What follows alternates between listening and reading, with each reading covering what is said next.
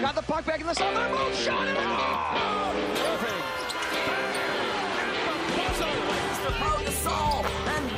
You want to go?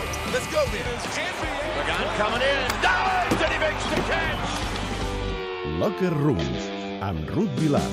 Posa, per cert, una miqueta d'emoció l'Ossassuna en aquests 10 últims minuts que queden al Sadar. Sergio León en acció individual des del costat esquerre, xutant al, al pal llarg, Osasuna 1, Atlètic de Bilbao 2, 10 més l'afegit. Una bona rosca i els aficionats de l'Espanyol que esperen que l'Ossassuna faci el segon en aquests 10 minuts que queden per intentar, doncs, retallar distàncies respecte al setè classificat, l'Atlètic de Bilbao, que si guanya mantindrà aquesta setena plaça. Anem fins a Nova York. Rup Vilà, què tal, com estàs? Bona tarda. Hola, bona tarda. Ara fa una estona has piulat en el teu Twitter, que t'he vist, que t'he vist. Allò, ara de seguida el Tot Gira parlem d'un cap de setmana que és apassionant esportivament parlant als Estats Units, eh? Sí, com, com li dieu vosaltres, brut, eh, què heu dit? Abril brutal? És el vostre? L'abril bestial, l'abril bestial. Bestial, doncs el meu si fa no fa, eh? Si fa no fa, no, també. és el cap de setmana bestial als Estats Units. Perquè la Ruth és a Nova York, però segur que avui li agradaria ser a Arizona, on aquest cap de setmana tenim la Final Four del bàsquet universitari dels Estats Units, amb noms, Ruth, poc habituals en aquesta final a 4. Això mateix, primer m'agradaria ser a Barcelona, que avui és aniversari de la meva mare, i això ho he de dir, Oh, però si no felicitats. pogués ser a Barcelona, com és el cas, m'agradaria ser a Arizona perquè aquesta setmana, com deies, comença la Final Four de, de la NCAA, del bàsquet universitari dels Estats Units.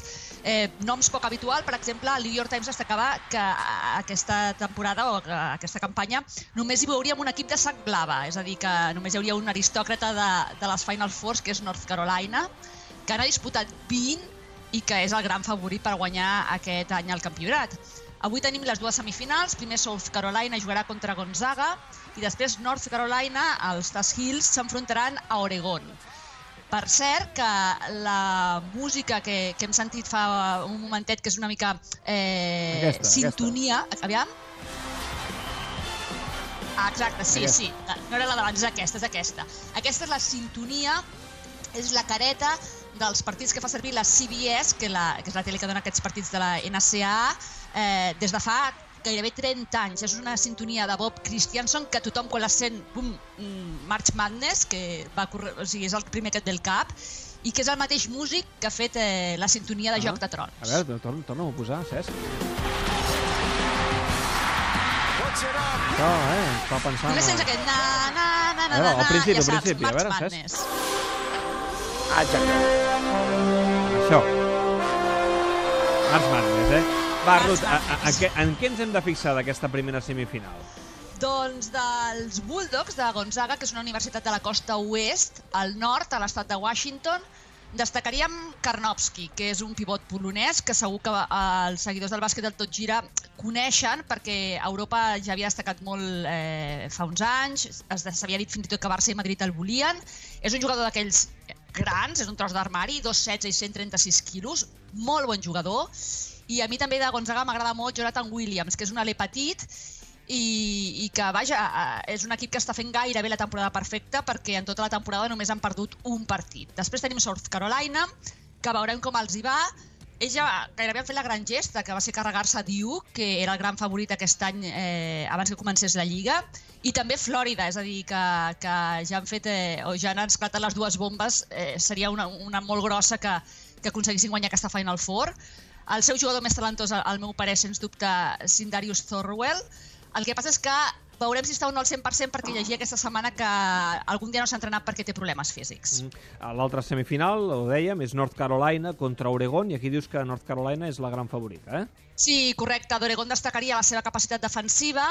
Diuen que són on són també gràcies a la- a l'ajuda de Nike. Recordem que, que aquesta multinacional té seu a Oregon i que els estaria doncs, ajudant a tenir un programa més potent. L'estrella continua sent Dylan Brooks, tot i que està lluny del seu millor moment. I a North Carolina, doncs vaja, eh, jugant amb el punt de favor de l'experiència, recordem que l'any passat ja van disputar aquesta Final Four, l'equip ha canviat força des d'aleshores, però continua tenint jugadors brillants i, i alguns que fan molta feina, com Mix a, a, a sota de la cistella, com Isaiah Hicks, com Briley, com, com Justin Jackson, que són els noms que hem de tenir en compte. Mm. Avui he vist, per cert, unes imatges que m'han creat molt l'atenció, eh, que circulen per la xarxa. Estem parlant ara de eh, um, bàsquet universitari femení. Perquè Mhm. s'està disputant la, la final a 4, la Final Four femenina També, de, de, sí. de la Lliga Universitària, i hi ha hagut una sorpresa enorme perquè un equip que porta no sé quants partits, ara m'ho explicaràs, sense 111. perdre, ha- han perdut i vist tal quantitat de gent al pavelló Sí, he flipat eh, el seguiment que té eh, la final a 4 de la Lliga Universitària Femenina. Brutal, brutal. Sí, sí, sí, sí. De fet, eh, si veniu als Estats Units, tothom vol anar a veure NBA, però si podeu, que és dificilíssim, perquè normalment totes les entrades estan venudes amb antelació, és molt complicat. Si podeu anar a veure un partit de bàsquet universitari, Sí, els pavellons estan plens, eh, per de dones, veure- és, i, l'ambient, David, és increïble. O sigui, li fa mil voltes a, a, la- a l'ambient d'un partit de lliga regular de l'NBA. El que passa que és molt complicat poder aconseguir una entrada per, per veure partits universitaris, però l'ambient és increïble i, com deies, eh, eh, ahir, aquesta matinada vostra, hi ha hagut la super sorpresa. Jo us he parlat eh, alguns dies de les Huskies perquè és un equip eh, tot i que han perdut aquest partit històric, com deies, eh, les Huskies són l'equip de la Universitat de Connecticut, que és un, un equip que, vaja, si haguessin sumat, eh, sumen quatre, quatre campionats seguits, aquest podria ser el seu cinquè, no ho serà, sumaven 111 partits sense perdre, 111, que es diu aviat, i, i vaja, van, van caure contra Mississippi State en l'últim segon de la seva semifinal d'aquesta Final Four. Eh, Morgan Williams, que era la jugadora més petita de Mississippi State, va fer eh, una cistella una mica tipus bomba, eh? així bombejadeta, des de més o menys el coll de l'ampolla, i va aconseguir el definitiu 66-64, Penseu que, clar, 111 partits sense perdre vol dir que les Huskies no perdien un partit des de novembre del 2014 i hi ha una data que, que és espectacular, perquè contra aquest equip, contra Mississippi State, es van enfrontar la temporada passada al March Madness i les van guanyar de 60 punts. Carai, imagina't les de, les de Mississippi que estaven eufòriques, no? Exacte, sí, sí, han celebrat moltíssim eh, aquesta victòria i, i vaja, tothom donava tan fet que les Huskies guanyarien el campionat una altra vegada que recordo que just quan Trump va guanyar les eleccions, aquells dies hi havia, va llegir un parell de reportatges explicant que les jugadores de Connecticut havien explicat que segurament no assistirien a la recepció habitualment que es fa a la Casa Blanca qui guanya la Final Four per com Trump tractava les dones. Vaja, no s'esperaven que no hi aniran a la Casa Blanca perquè no seran a la final. La final serà demà a Mississippi, South Carolina. Home, aquí es van passar potser una mica de llestes, no?, de parlar de recepcions quan encara no havien guanyat. Eh, Se'ls ha trencat la ratxa, 111 victòries. Ara estava pensant, el Barça d'handbol em porta més de 100 de victòries Sí. i per tant els 111 també els hem superat, eh? Sí. Eh, sí, sí, perquè va ser la temporada, a l'inici d'aquesta temporada, quan vam aconseguir les 100 victòries a la Soval consecutives. No sé quina xifra és exactament ara, però, però vaja, estem per allà que també, eh? 120 i alguna Sí, sí, crec, sí. però- Però vaja, estem parlant d'unes grans ratxes de l'esport, eh? Virtualment ja li podeu sumar la Una d'avui. no? Està guanyant 16-25 a la segona meitat. Doncs això no ho podrem Però, dir de però, Huskies. però clar, ells juguen a Soval, juguen a Europa, per tant, entre, entre Aquí sí que hi ha hagut derrotes. Aquí, com que és només un campionat, vol dir que des, de, des del 2014 que, que, que aquestes noies no perdien cap partit.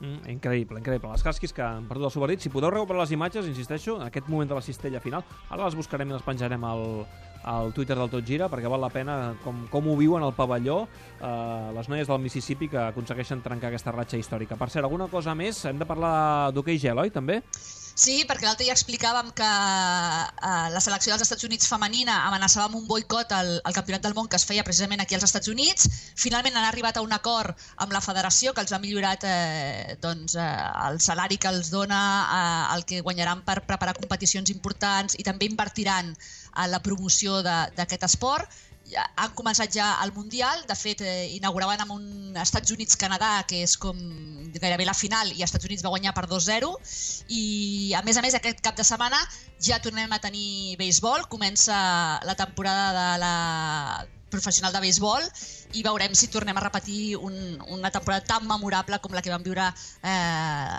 l'any passat amb la, aquesta victòria inesperada dels Caps de Chicago. Gràcies, Ruth. Fins la setmana que ve. Fins la setmana que ve.